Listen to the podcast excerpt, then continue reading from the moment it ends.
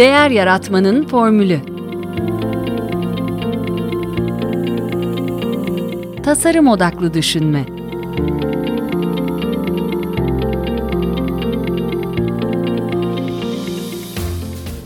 Merhaba, ben Mete Yurtsever, Değer Yaratmanın Formülü Podcast'inin ev sahibiyim. Bugünkü konuğum dijital pazarlama stratejisi ve yazar sevgili Zeynep Kömürcü Bulut. Hoş geldin Zeynep. Hoş bulduk Mete. Çok teşekkür ediyorum davetin için. Harika bir iş çıkarıyorsun. Hepsini dinlemeye çalıştım, bitirmeye çalıştım. Ee, değer yaratmanın formülü bence harika bir proje. Emeklerine sağlık. Çok teşekkür ediyorum hakikaten. Ee, bunları duymak çok e, biliyorsun içerik üretenler için bu çok değerli. Bunları duymak, bu geri bildirimi. Peki o zaman ben yine kısaca seni bir e, dinleyicilerimize tanıtayım. Sen de eklemek istediğin varsa sonra eklersin. Tabii. E, İngiliz Dili ve Edebiyatı mezunusun e, Boğaziçi'nden. E, aynı zamanda reklam yazarlığı programına orada katılmışsın. E, 2005 yılında bir dijital ajansta içerik editörü olarak çalışmaya başlıyorsun. E, sonra da 2018 yılında Stratesco'yu kuruyorsun. Strateji, dizayn ve content'in kısaltmalarından değil mi? Evet, ve, aynen. E, çok çok hoş bir şey var. E, dijital ebeveynlerle uzaktan çalışan bir dijital pazarlama ajansı e, aslında hayal ediyorsun. E, ve bunu e, hayata geçiriyorsun ve e, birçok e, rehber üretiyorsun e, dijital pazarlama alanında. E, bir de e, çocuklar için e, teknoloji konulu 3 e, masal kitabım var. Bundan da söz edeceğiz. Evet. E, var mı eklemek istediklerin? Galiba hepsi bu kadar. Yok hepsi bu kadar değil mutlaka ama yani şey en azından bir özet olarak. Teşekkür ediyorum. Bence çok inovatif bir e, girişimcisin çünkü e, uzaktan çalışma işini 2018'de e, düşünmüşsün tam pandemi öncesinde. Önce onu sorayım yani önden bunu görmüş olmak e, sana bir avantaj sağladı mı e, çalışanların açısından e, veya müşterilerin açısından? İlk başta pek bir avantaj sağlamamıştı çünkü kimse buna inanmıyordu. E, hatta daha X jenerasyonundan müşterimiz olmak isteyenler illaki sizi mekanınızda da bir ziyaret edelim diyebiliyorlardı. E, şöyle aslında ben uzaktan çalışan beyaz yakalı olmak isterdim aslında baktığında. Ee, ama öyle bir şey yoktu, imkan yoktu. Mecbur kaldım bir yandan da. Hani be, benim bir ajansım olsun, uzaktan çalışalım hep beraber. Hiç kimse gitmek zorunda kalmasın. Biraz mecburiyetten e, şekil aldı. Ta, tabii pandemi çok işime yaramış oldu burada. Çünkü herkes uzaktan çalışmayı önce yadırgasalar da sonradan anlamaya başladılar. Ee, artık çok rahat ettiğim bir dönemdeyim müşteriler açısından. Çalışanlar açısından da şöyle e, çok daha kaliteli başvurular almaya başladık. Eskiden e, havalı ajansların havalı hmm. art direktörleri, motion designerları olmak istiyorlardı. İşte o happy hour'lar, etkinlikler. Ama şimdi ajansınız da batsın, mekanınız da batsın, happy hour'unuz da batsın, dışarıda hayat var diyen insanların sayısı arttı. Dolayısıyla bize gelen başvuruların kalitesi de arttı. Her şey o tarafta güzel gidiyor. Uzaktan çalışmayı da hala seviyorum. Harika. Bu şeye geleceğiz, e, reklam piyasasındaki kısma geleceğiz ama bir inovatif e, işin daha e, yakın dönemde yani birçokları vardır mutlaka ama e, bu e, bir senior stajyer e, arayışın oldu LinkedIn'de. Evet. E, hatta bugün de bir güncellemesini gördüm. Ondan da bahseder misin? Muazzam bir fikir bence hakikaten. Hani biraz e, bana da e, gönlüme gönül telimi titreden bir şey oldu. Ay. Yaş oraya yaklaştı. Çok teşekkür ederim. Ben e, Robert De Niro'nun Stajyer filmini, işte orijinal adı Intern, izledikten sonra vay be dedim. Yani İnsanlar bu kadar değer katıyorlar hayatları boyunca. Değer yaratmanın formülü dediğimiz şey. Ee, ama sonra evlerinde bir köşelerinde kala kalıyorlar. Tabii ki hani şunu hep ayırarak söylüyorum. İşte belki de ömrü boyunca bir daha iş yüzü görmek istemeyenler, hani Bodrum'daki yazlığında sadece denize bakarak günlerini geçirmek isteyenler olabilir, haklıdırlar. Ama hala bir şeyler yaratmak, bir şeyler üretmek, fayda sağlamak isteyen e, seniorlarımız da var. E, onlar için küçük bir fırsat niteliğinde düşündüm. Tabii bir taraftan onlardan benim alacağım faydalar var. Bana bir sürü şey öğreteceklerdir. E, ben de onlara karşılığında dijital pazarlamayı, dijital ajans dinamiklerini, uzaktan çalışmayı, hani bunlarda da özellikle tecrübesiz olan birilerini seçeceğiz. Ee, öğretiyor olacağım. İşte mentor, mentee gibi bir şey olacağız. Ve bakalım daha haftaya ilk görüşmeler başlayacak. Ee, çok şaşırdım. Gerçekten çok güzel tepki aldı. Ee, sadece bir kişi alay etti. Ama yani yüzlerce kişi çok çok çok beğendi bu fikri. Eminim ki bunu e, örnek alanlar da olacaktır. Olsun bence.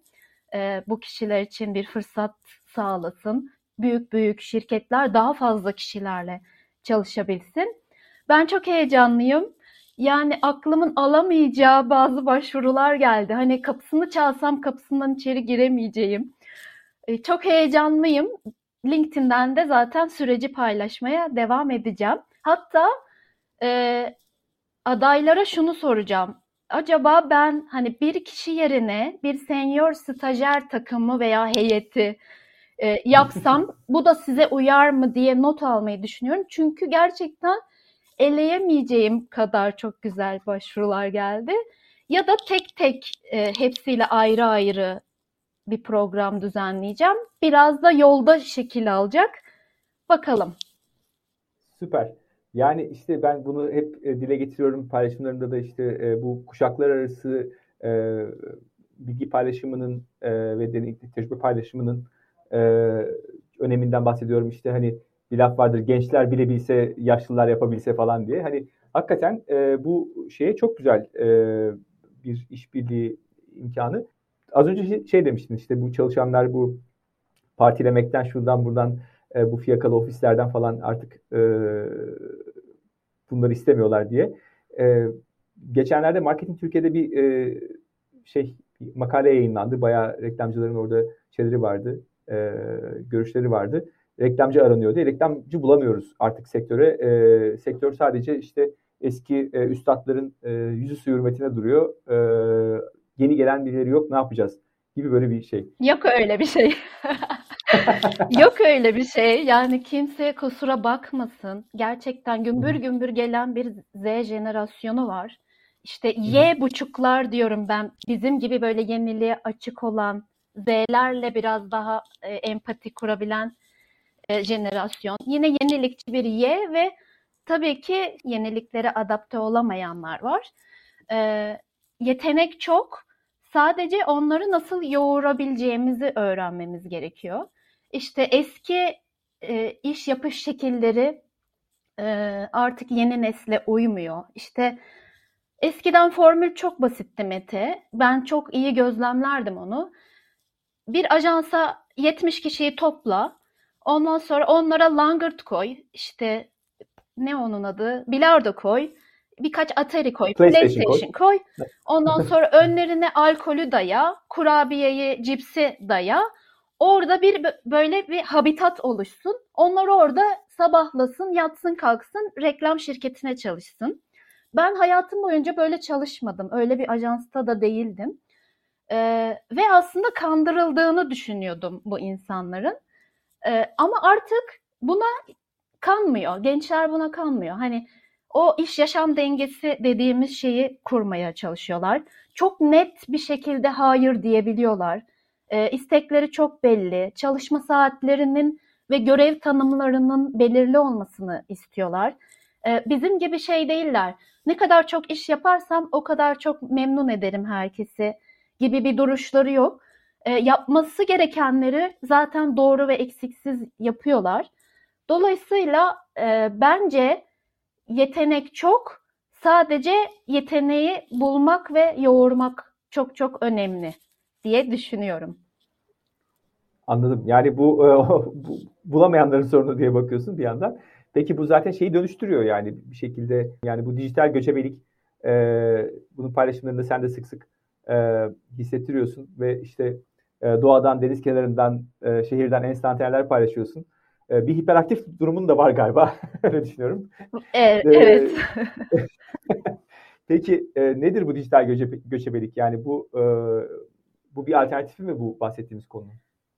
Ee, evet tabii yenilikçi bir yaklaşım. Yine o yeteneğe esnek bir çalışma sistemi sunmak bir taraftan. Ama işte eski sistemle kafalar çalıştığı için o kişiyi uzaktan yönetemeyeceğiz zannediyoruz. Ben de şimdi uzaktan çalışıp da işte 15 ayın 15'inde teslim etmesi gereken şeyi 25'inde teslim eden insanlarla çalışmıyorum. Uzaktan çalışıp disiplinli çalışmayı bilen insanlarla e, beraber yol kat ediyoruz. E, şöyle, şimdi İstanbul'da özellikle bizim trafikte harcadığımız süre gidiş 2 saat, dönüş 2 saat, 4 saat. Halbuki odaklanarak çalıştığımızda biz zaten bir günlük çalışma saatimizde 4 saat çalışıyoruz total. Şimdi ben yolda harcadığım zamanı işe harcadığımda benim mesaim bitiyor. Bildiğin mesaim bitiyor ve geriye yüzmeye mi gideceğim, tenise mi gideceğim, gitar kursumu alacağım, e, sahilde yürüyüş mü yapacağım, bisiklete mi bineceğim, çocuğumu okula mı götüreceğim, veli toplantısına mı gideceğim e, ya da işte bir yerlerimi keşfe çıkacağım. Ben biraz İstanbul dijital göce, göçebesiyim diye geçiniyorum. Çünkü e, çocuklar olduğu için İstanbul'a bağlıyım. Okul, eğitim vesaire. Mümkün olduğu sürelerde de kaçıyorum bir yerlere. İşte Balat'ı keşfet, ne bileyim Karaköy'ü keşfet, unut Balat'ı bir daha sonra git gibi yöntemlerim var. E, ama tabii ara ara online olsun, işte ya da yüz yüze olsun takımla bir araya gelmeye çalışıyoruz. Bir araya geldiğimizde de iş konuşmuyoruz. Nasıl gidiyor? Sen çocuğun ne yaptın? İşte kreşe alıştı mı? E, bu muhabbetler oluyor bir araya gelişlerimizde de. Yoksa diğerleri dijital haberleşme yöntemleriyle ilerleyebiliyor. Çok sıkışırsak zaten kısa toplantı veya kısa telefon görüşmesi. Ee, bu şekilde biz ilerliyoruz. Burada tabii lafın başında söylediğin dijital ebeveynler konusu var. Zaten Stradesco'nun çıkış noktası da aslında benim iş hayatını bir ebeveyne uygun bulmamamla başladı. Ben çocuklarımı sabah 6'da uyandırıp sıcacık yataklarından kaldırıp işte e, arabanın içine atıp oradan kreşe atıp işe koşturmak falan bunlar gerçekten bana çok insanlık dışı geliyordu. Yani çok özür dileyerek söylüyorum bunu. Her, böyle yapanlardan, yapmak zorunda olanlardan. Ee, onları değiştirmek istedim. Dijital ebeveynlere o yüzden öncelik tanıdım. Şu an e, beş anneyiz şirkette. Hepimizin küçük çocukları var. E, bir de dijital babamız var. Bekarlarımız da var. Tabii bu bir şey değil, üstünlük değil hiçbir zaman. Ebeveyn olmak, olmamak ayrımcılığı da yok. Sadece pozitif bir şey katmak istiyorum. Bu yüzden iş bulamayan, bu yüzden çalışamayanlar için. Hani dijital göçebelik evet ama bir taraftan da dijital ebeveynse bizimle çalışma ihtimali daha fazla gibi bir durumumuz var. Evet aslında bu dediğin gibi e, bence firmalar e, yavaş yavaş kafayı buraya doğru evrilmek durumundalar. Yani işte o dediğin gibi e, elemanım yanında değilse onu nasıl çalıştırırımın e, yolunu bir şekilde bulmaları veya e, performans ölçümlerini değiştirmeleri gerekiyor. Bir takım insanlar hep olacak belki işte ne bileyim e, hep örneği veriyorlar, veriliyor ya işte Elon Musk e, Tesla'da herkes yüzde yüz geri dönecek hani e, kapının önüne koyarım falan filan gibi böyle bir ekstrem insanlar da belki olacak. Hani adam da sonuçta teknolojiyle e, alakasız bir adam değil sonuçta ama e, ama bu mantalite bence de değişecek kesinlikle. Çünkü e, dediğin gibi yani bu, gelen jenerasyon da çok az bir kesim e, böyle bir biat edecek. E, büyük bir kesim etmeyecek. Dolayısıyla e, seçim e, şeyde ihtimali azalacak firmalar için diye düşünüyorum. Peki e, şeye dönersek eğer reklam tarafında dönersek e, dijital araçlar e, sence e, reklamcıların işini e, kolaylaştırdı mı zorlaştırdı mı ne düşünüyorsun? Yani birçok şey aslında işte ölçülebilir falan hale geldi. Bu hedeflemeler şunlar bunlar. E, sen burada bunların rolünü nasıl görüyorsun dünyada veya Türkiye piyasasında? Kesinlikle ölçümlenebilir hale geldi kelimesinin senin kurduğun Hı-hı. altını çizmek isterim. Çünkü e, yani televizyona bir reklam verdiğinizde kaç kişi izledi, oradan kaç kişi satın alım yaptı bunları ölçümlemek çok daha zor oluyor. Hani pazar araştırması yapmanız gerekiyor gibi veya radyoda kaç kişi dinledi. e, gazetede kaç kişi kaç kişi gazete aldı ama oradaki şeye dikkat etti ilana gibi. Ama e, dijital pazarlamada her şey şeffaf bir şekilde ölçümlenebiliyor. Kaç kişi gördü, kaç kişiye erişti, kaç kişi tıkladı, kaç kişi e, satın aldı, sepetine ne kadarlık bir e, ürün doldurdu. Hepsini görebildiğimiz için tabii ki çok daha faydalı bir hale geldi. Evet marka bilinirliği adına omni channel dediğimiz şekilde işte outdoor'u da radyosu da TV'si de hala e, geçerli olan e, pazarlama kanalları. Yani böyle hardcore girip marka bilinirliğimiz artsın istiyorsak hepsini kullanmamız gerekiyor. Ama dijital pazarlama araçları dediğimizde de SEO araçları, e, analytics ölçümleme araçları, işte hatta bu e, içerik üret içerik üretebileceğimiz bize fikir veren araçlar ya da tasarım fikirleri veren uygulamalar olabilir. E, hepsini kullanmak fayda yaratıyor. Burada bana gelen en e, önemli sorulardan biri aslında eğitim oluyor. Biz bunları kullanmayı nasıl öğrenebiliriz? Kimden eğitim almalıyız? Hangi kitapları okumalıyız? Ee, orada altını çizmek istediğim bir şey var. Bir şeyi öğrenmeye kafayı taktıysanız önce kendi kendinize öğrenin diyorum ben her zaman. Mesela Google Analytics'i kullanmayı Google Analytics'in kendi eğitim dokümanlarından öğrenin. öğrenin. Veya işte Google Ads'te reklam verecekseniz önce e, anahtar kelime ve SEO araçlarına ihtiyaç duyuyorsanız önce orada anahtar kelime tool'unu kullanın diyorum ve ya, deneyerek, yaparak öğrenin. İşte bu konuda makaleleri okuyun, videoları izleyin ve işte Facebook Meta Business reklam verme aracını kullanmak için de yine Meta'nın kendi eğitimlerine bakın. Daha sonra daha ileriye ileri seviyeye gelmek istiyorsak hani bu işin piri haline gelmiş biri var. Ondan ben bir de öğreneyim de üstüne bir cila çekeyim. Ondan sonra eğitim alalım diyorum. E, kitap açıkçası biraz karşıtıyım. Çünkü dijital pazarlama çok dinamik. Bana da çok kitap evet. yaz diyenler oluyor ve e, hatta yayıncılar teklifle geliyor. Belli olmaz hani çok genel geçer kuralları olduğu için çok böyle üstünü çizmek istemiyorum. Yaza da bilirim. Sadece dijital pazarlamanın bana yapışmasından biraz endişeliyim. e, o da ayrı bir konu. E, ama kitap yerine blogları ben öneriyorum. Çünkü sürekli güncel bilgi akıyor. Sürekli bir trend, bir yenilik. Mesela evet Google bir yeniliğini açıklıyor ama onun anlatım dili belki e, zor, belki daha akademik yazıyor ama biri tutup Google bu e, bu yayınında şunu şunu demek istemiş. En önemli maddeleri şunlar şunlar deyip özet çıkartabiliyor. Ee, mesela Google'ın 300 sayfalık guideline'ları olabiliyor ama siz bir blogdan onun e, kısa bir özetini görebiliyorsunuz. Ee, blogları takip etmeleri çok önemli o nedenle. Burada varsa senin önerebileceğin aslında e, var mı bilmiyorum önermek ister misin e, öyle takip ettiğin? E, aslında bu bu tarz tool'ları satan firmaların blogları çok iyi oluyor. HubSpot, Hootsuite, okay. işte Social hmm. Famous falan bunların blogları. Bir de Neil Patel diye bir dijital pazarlamacı var. Ona bayılıyorum. Evet. Çok güncel e, içerikler paylaşıyor. Aklıma gelenler bunlar. Harika. Peki e, tam şeyden bahsettin. Yani bu e, içerik e, tarafından bahsettin. Biraz ona e, beni de ilgilendirdiği için tabii ki girmek istiyorum.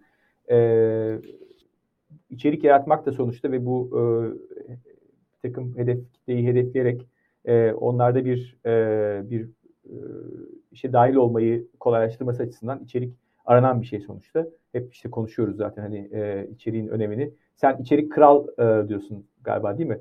E, content is king, design is e, queen. E, design öldü onu anlıyoruz. King e, artık şey kral, kral e, içerik. E, peki Türkiye'de içerik e, pazarlaması hak ettiği yerde mi sence? Ee, şuradan başlayayım. Aslında e, kır, kraliçe ölmedi. Şöyle bizim mottomuz şöyle yani bizim kraliçemiz ölmedi. öyle, öyle söyleyeyim.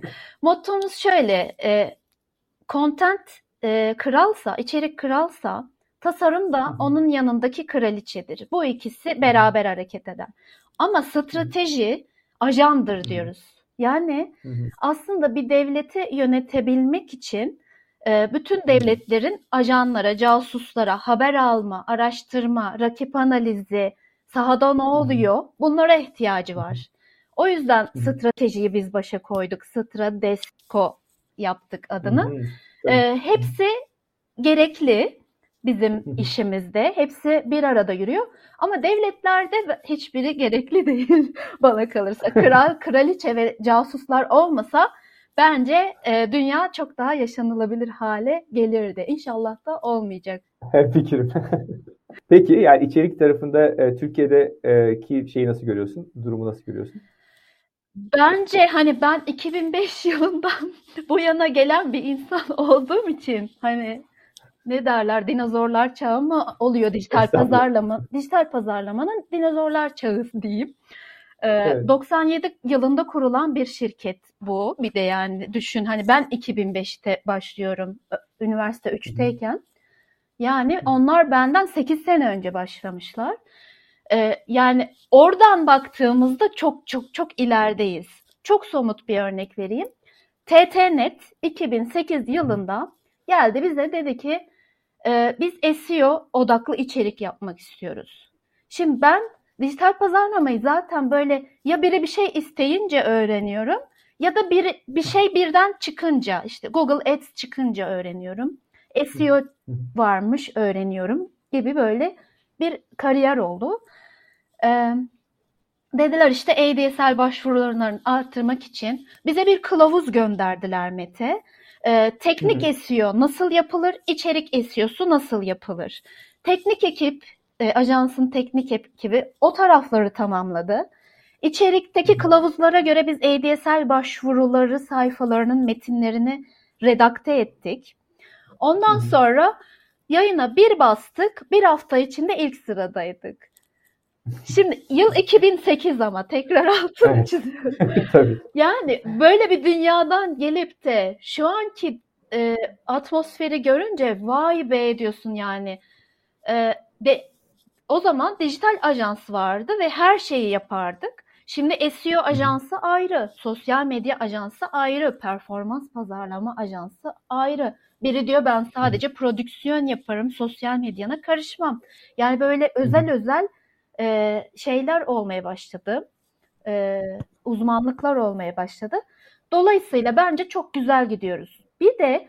Türkiye özelinde biz yurt dışı e, web sitesi ödüllerine başvurduğumuzda inan e, çok iyi projeler yapan iki ülke vardı Mete. Biri Polonya'ydı, biri Türkiye'ydi. Yani bizim web sitelerimiz işte UX anlamında uçarken ya yani iyi anlamda uçarken e, Polonya'da çok yanına yaraşır işler yapardı. Böyle Almanya'ymış, İngiltere'ymiş. Bunlar gerçekten böyle devlet dairelerine iş yapar gibi web siteleri yaparlardı. Çok oradaki böyle başvuru listelerinden görürdük biz bunları aradaki farkı.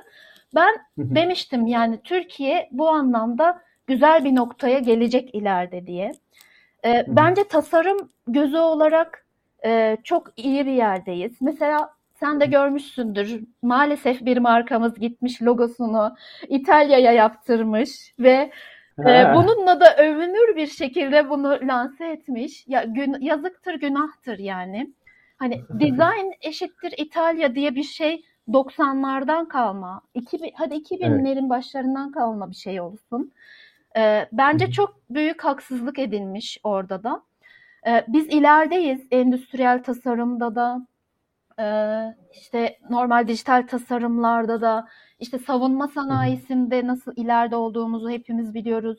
Teknolojide de ilerideyiz. Ee, içerikte de e, çok iyi noktalara geliyoruz. Sadece şöyle bir isteğim olabilir. Hani çok kısa sürede kimse kendini uzman ilan etmesin. Yani o çok önemli. Biraz daha fırın fırın ekmekler yiyelim. Hani benden aldığın 45 dakikalık eğitimle ne olursun kendini bir şey ilan etme yani. Öğren, çabala, yap. Hani iki yıl sonra ben şunun uzmanıyım de. Hani hakka girme Hı-hı. en azından. Yani bunu evet. 3-4 senedir yapan bir insan bir hizmetten 5000 TL istiyorsa hani bir haftalık eğitimle yeni yapmaya başlamış biri 500 TL istiyor ve bunun farkını anlayamayanlar 500 e, TL'li eğimleniyor. Ki onlar o hizmeti alsınlar zaten. Onda da yapacak evet, bir şey. Evet. Ama uzman ilan etme durumu çok yaygın. Ee, içerik stratejistliği, sosyal medya, tasarım, video ne aklına gelirse bizim sektördeki onu yapmamaya gayret edelim. Adım adım, sakin sakin ilerleyelim diyorum ben. Aslında benim bu soruyu sormaktaki amacım biraz da bu yani bu geldiğimiz nokta çünkü e, aslında herkes tabii ki istediği fiyatı kendi işi için isteyebilir ama bu bir pazar buluyorsa bunda bir, zaten bir anormallik var. Yani demek ki satın alan o aldığı şeyin kıymetini, değerini bilmiyor. Yani bir yemek e, restoran açsanız e, herkes bir yemeğin iyi mi kötü mü olduğunu bir şekilde anlar. Hani ona değer mi o paraya değer mi değmez mi falan. Ama bu içerik işinde veya bu bu tarz e, işlerde bir parça daha sanıyorum e, şeyimizin artması lazım. Bilincimizin artması lazım. Yani müşterinin de daha bilinçlenmesi lazım. Biraz buna işaret ediyor bence bu senin söylediğin. Yani isteyenin istediği şeyi tutturabilmesi e, iyiye işaret değil o anlamda ama e, tabii ki e, piyasada öğrenecek, pazarda öğrenecek. E, e, bu e, işini iyi yapanlarla e, kötü yapanların ayrımı. Yani genel olarak Türkiye'de bence bu böyle bir sıkıntımız var. Yani bir takım insanlar sırf görünür olarak veya bir şekilde bir popülarite elde ederek bir şeyi iyi yaptığı intibanı yaratabiliyorlar. Bunun bu kadar kolay olmaması lazım. Ben de aynı serzenişte bulunacağım yani sana senin dediğin gibi. Orada tabii e, uygun fiyata kaçmak tabii ki e, girişimin bütçesiyle de alakalı olduğu için Mete e, yine eleştirmek istemiyorum ama en azından daha uygun fiyat, daha düşük maliyet ararken girişimcilere şöyle bir tavsiyede bulunabiliriz. E, biraz dijital pazarlama eğitimi alabilirler. Bunun Hı-hı. sayesinde de doğru kişiyi Hı. uygun fiyata Aynen. bağlamayı öğrenebilirler. Çünkü artık her şey dijital pazarlamadan geçiyor. TV'ye bütçesi Hı-hı. olmayan ne yapıyor? Instagram'da reklam vererek kendine sabit bir gelir yaratmaya çalışıyor. O zaman bunların dinamiklerini anlayalım, öğrenelim ki Hı-hı. çalışacağımız insanları da daha iyi seçebilelim diyorum. Aynen, aynen katılıyorum. Peki e, sosyal medya tarafına geçersek işte e, influencerlık e, sence belli bir sektör veya mecra ile sınırlı mı? Influencer deyince hemen akla Instagram e, falan TikTok şu bu geliyor. Sence bunlarla sınırlı mı? Bir de senin tanımını alabilir miyim yani? Nedir? Influencer olmanın şeyi nedir? E, ölçüsü nedir? Influencerlığı tanımlamak epeyce bir zor. Çünkü çok farklı şekilde influence eden insanlar var. Kimisi gerçekten geliştirici yönüyle, kimisi sadece sürdüğü rujla, kimisi taktığı takıyla, kimisi fikirleriyle, değerleriyle. Ee, ama hani etki ettiği, yönlendirdiği e, bir gerçek. Hepsinin ortak noktası bu. Ee, tabii ki hepsi aslında mutluluk ve değer yaratıyor yine. Hani ben kötü ruj sürüyordum. Ee, birinden güzel ruj sürmeyi öğrendim. Toplantıya gittim. Aa çok şıksınız, çok hoşsunuz dediler. Bu da bana bir fayda sağladı. Daha üretken olmamı evet. sağladı belki de. Ee, mecralar şöyle. Tabii ki biraz YouTube ve Instagram'la başladı. Arkasından TikTok geldi. Ve hani senin de benim de e, içerik ürettiğimiz LinkedIn artık gümbür gümbür geliyor. Evet. Farkındalık Hı-hı. başladı o tarafta.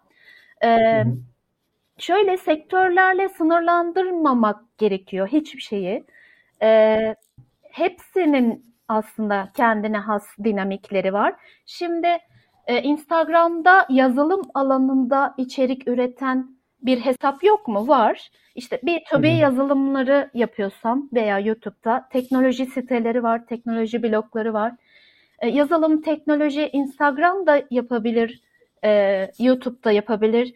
LinkedIn zaten hayli hayli yapar. Öbür tarafa gelelim diyoruz ki işte kozmetik, ruj, gıda, e, süs püs. Acaba sadece YouTube ve Instagram'a mı özel? Hayır değil. O da LinkedIn'de yapılabiliyor. Çünkü işte Zeynep Kömürcü Bulut toplantıya giderken rimel de sürüyor, ruj da sürüyor. Saçını da yaptırıyor. Bir kıyafette giyiyor. İşte takı da takıyor. Ee, Zeynep çikolata da yiyor, pasta da yiyor, pastaneye de gidiyor, kafeye de gidiyor, otelde de kalıyor gibi bir sürü şey var. Ee, yani çok geniş kapsamda doğru kişilerle kullanılabilecek e, fırsatlar var. Bütün mecralarda var. Hı hı.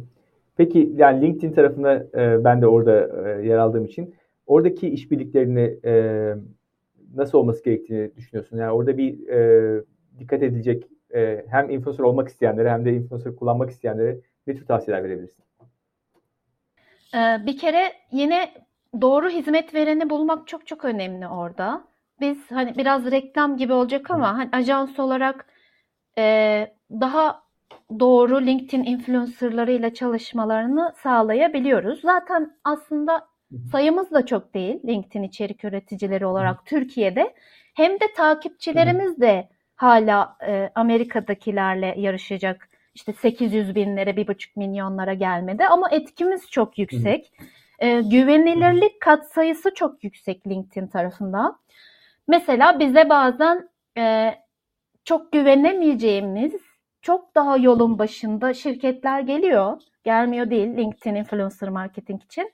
Reddedebiliyoruz. Hani şu anda bu profille böyle bir çalışma için uygun değil e, diye. E, o güveni sağlamaya çalışıyoruz. Oradaki şeyi esnetmek istemiyoruz. Böyle ya bu da önüne gelen her şeyi tavsiye ediyor para için. Böyle düşünülmesini istemiyoruz LinkedIn'de. E, neye dikkat etmek lazım? İşte doğru içerik stratejistiyle, birebir markayla uyumlanacak çalışmak çok çok önemli. E, doğru beraber doğru strateji hazırlamak çok çok önemli. Nasıl paylaşım yapacak, nasıl anlatacak, nasıl bir hikaye anlatıcılığı olacak, nasıl bir hikaye bütünlüğü olacak bu paylaşımların, ne kadar sürecek. Mesela e, LinkedIn'de 30 influencer'ın 30'una da aynı akşamda paylaşım yaptırmak da bir e, süre. Veya hı hı. 30 influencer'la her hafta e, biri biri biri biri derken sırayla paylaşım hı hı. yaptırmak ve bütçeyi zamana yaymak. E, hedef neyse bir anda bir şeyi herkesten de duyurmak isteyebiliriz. Bir inovasyon yapmışızdır, yeni bir hizmet sunuyoruzdur. Ya da zaten sabit bir şekilde giden bir ivmemiz vardır. Ee. Sakin sakin işte ayda bir içerik üreticisiyle çalışabiliriz gibi. Ee, o süreleri ve stratejileri belirlemek çok çok önemli. Ee, ve sonrasında tabii analizini yapmak çok önemli. Hı hı. İşte bu kişi paylaşımını yaptı, kaç kişi beğendi, kaç reaksiyon, kaç gösterim aldı. Ondan sonra işte Zeynep'le Mete ile bir daha çalışabilir miyiz? Hatta hı. ya burada en iyi sonucu Mete verdi. Biz acaba onunla birlikte bir sponsorlu program mı yapsak? Ya da evet hı hı. tamam bütün sonuçlar dalgalı işte Zeynep başka verdi, Hülya başka verdi, Kemal başka verdi, Mete başka verdi.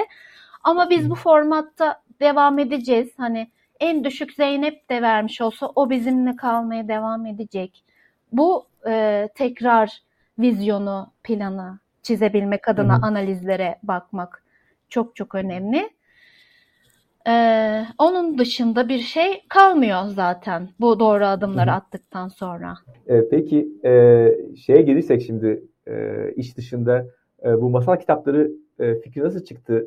E, onu merak ediyorum. E, çok güzel bir bence şey. E, orada da bir inisiyatif. E, ve devamı gelecek mi? Öyle sorayım. E, şimdi üç tane kitap oldu galiba değil mi? Yuki, Nuyo ve Mimo. Aynen öyle. Biraz bahseder misin? Şimdi e, aslında bu stajyer programında benim sunduğum hani kariyerinizin dışında bir şeyi öğretme şeyi var ya vadi. Hmm, evet. Aslında benim de galiba hayalim bir gün kariyerimin dışına çıkabilmek. Yani dijital pazarlamacı duayeni gibi, işte Betül Mardin gibi e, sadece tek bir şeyle bilinen biri olmak çok avantajlı. Çünkü e, konsantrasyonu oraya sağlıyorsun. Herkes seni öyle biliyor. Diğer türlü dağılıyor. Seni nasıl tanıyacağından emin olamıyor. Ama ben bilmiyorum tek bir kariyerle hayatımı sonlandırmayı galiba istemiyorum. Belki başıma bu gelebilir. Ee, ya ben de mesela bir gün çok alakasız bir konunun stajyeri olmayı çok isterim. E, bu da onun bir kanadı sanıyorum. Hani bir gün acaba sadece masal yazarı olarak ya da yazar, şair bilmiyorum e, kariyerimi sürdürebilir miyimin bir ilk denemesi gibi bu. E, değerlendir dışarıdan bakıp değerlendirmeye çalıştığımda nasıl çıktı dersen aslında şöyle e, zaten edebiyat mezunusun. Hani hep şiirle, dramayla, e, hikayeyle, romanla iç içe büyümüşsün ki bu benim bölüm seçimim rastgele değildi. Bilinçli ve isteyerek. Hani bu tutuyor, bu oldu değildi. Her şey e, tamamen isteyerek oldu. Sevdiğim için oldu. E, o kariyerim böyle geride bırakmak istemeyen bir Zeynep vardı. Hani edebiyatçı kariyeri. Ama bir taraftan da o hiperaktif dediğimiz Zeynep de oturup böyle uzun uzun romanlar da yazabilecek e, kapasitede değil. Benim önümdeki işin sürekli değişmesi gerekiyor. Ondan sonra galiba insanın işte kendini analiz edebilmesi dersi çıkarılabilir burada. Ondan sonra e, benim tabii çocuklar oldu. 2013 ilk çocuk. İşte 10 sene geçmiş neredeyse aradan. Allah. Ee, şöyle ben bunlara masal okuya okuya okuya okuyor. Ee, arkadan ikinci geldi. Ee, her akşam ikisinin de birer kitap seçme hakkı var. Okuma yazma bilmiyorlar. Ben okuyorum. Ee, kafamda tabii sürekli e, masallar dönüyor. Masallar yazıyorum. Ondan sonra for, formatı anladım. Hani nasıl girilir, nasıl devam ettirilir, nasıl kapatılır, kaç cümleden oluşur aslında masal. E kısa, hani benim için çok kolay bir şey. E, aşırı konsantre olup yıllarca sürecek bir Şeyde, şey değil. şeyde yapıyor musun mesela gün, günde günde yaşanmış bir şeylerden ders e, devşiriyor musun? O Gibi yani işte hani çocuklara illa bir Ayı varmış. işte şeyler. Orada içinden çıkamadığım şey şuydu. Ayı kelimesi işte kilit kelime. Şimdi ayı, tavşan, kirpi, traktör, e, ne? Lokomotif, Tren. tren, Evet. ondan sonra vapur. Aklına gelebilecek her şey hakkında yüzlerce masal. Ondan sonra işte değerler, arkadaşlık, yardımlaşma, dostluk, ne başka Ee, bir sürü değer. Allah'ım bunlar da yazılmış yani o kadar güzel ki hepsi de. Hani benimki ikinci, ha, 101. pardon. Hani tavşan desem, cesur tavşan desem 101. cesur tavşan kitabı olacak. Ne ne ne olmalı, ne olmalı? En sonunda buldum. Teknoloji üzerine masal yok. Ondan sonra e, teknolojiyi tüketmeyin çocuklar. Bakın teknoloji üretilebilir bir şey diyeceğim masallar çıktı ortaya. Tabii burada çift e, hedef var. Hem çocuğun e, zihnine o tohumları serpmek. Hani bak ileride sen de mobil oyun üretebilirsin. İleride sen de robotik e, kodlamayla bir yazılım, bir program gerçekleştirebilirsin gibi e, şeyler veriyor. Tohumlar serpiyor çocuğun aklına.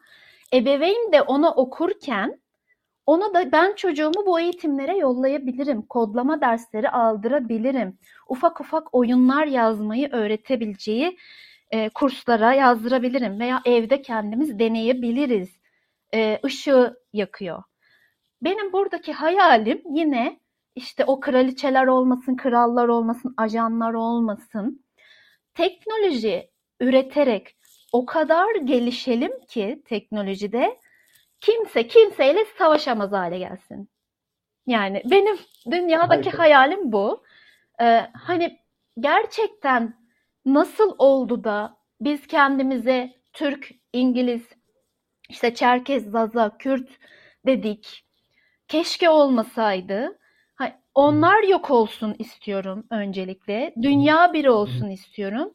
Ve hani kötüler bir teknoloji yapacak, iyiler bir teknoloji yapacak derken inşallah kimse kimseyle savaşamaz hale gelecek. Ama burada işte iyilerin de teknoloji üretmek konusunda evet bizim de bunu yapmamız lazım demesi lazım. O kitapların da o işe de yaramasını istedim açıkçası. Ve devamı gelecek mi dedin. Ee, Evet. Sanıyorum gelecek. O da şöyle Ben bir çocuğun arkasına iki buçuk yaşındayken bir çocuk daha dünyaya getirme e, eyleminde bulundum ve bunu hatalı buluyorum. Çünkü benim o çocuğu öpe koklaya, seve seve büyütmem gerekiyordu ki yine yaptım.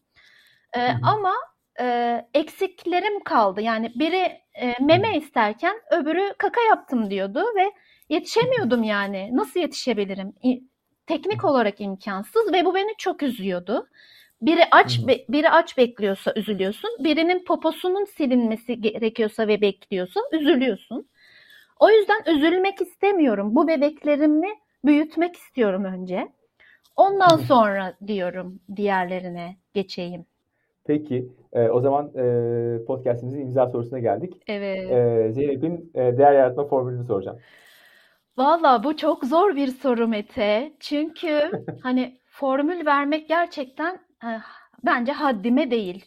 E, ama şuna inanıyorum. Mesela bunu Einstein'a sorsaydık ne yapardı? Bunu Tesla'ya sorsaydık ne derdi? Onu düşündüm. E, herkes kendince bir değer yaratıyor aslında. E, önemli olan bizim kendi biçimimiz ne? Onu bulmak. Zaten e, onun arkasından da dünyaya, insanlığa faydalı bir şeyler üretmek bence.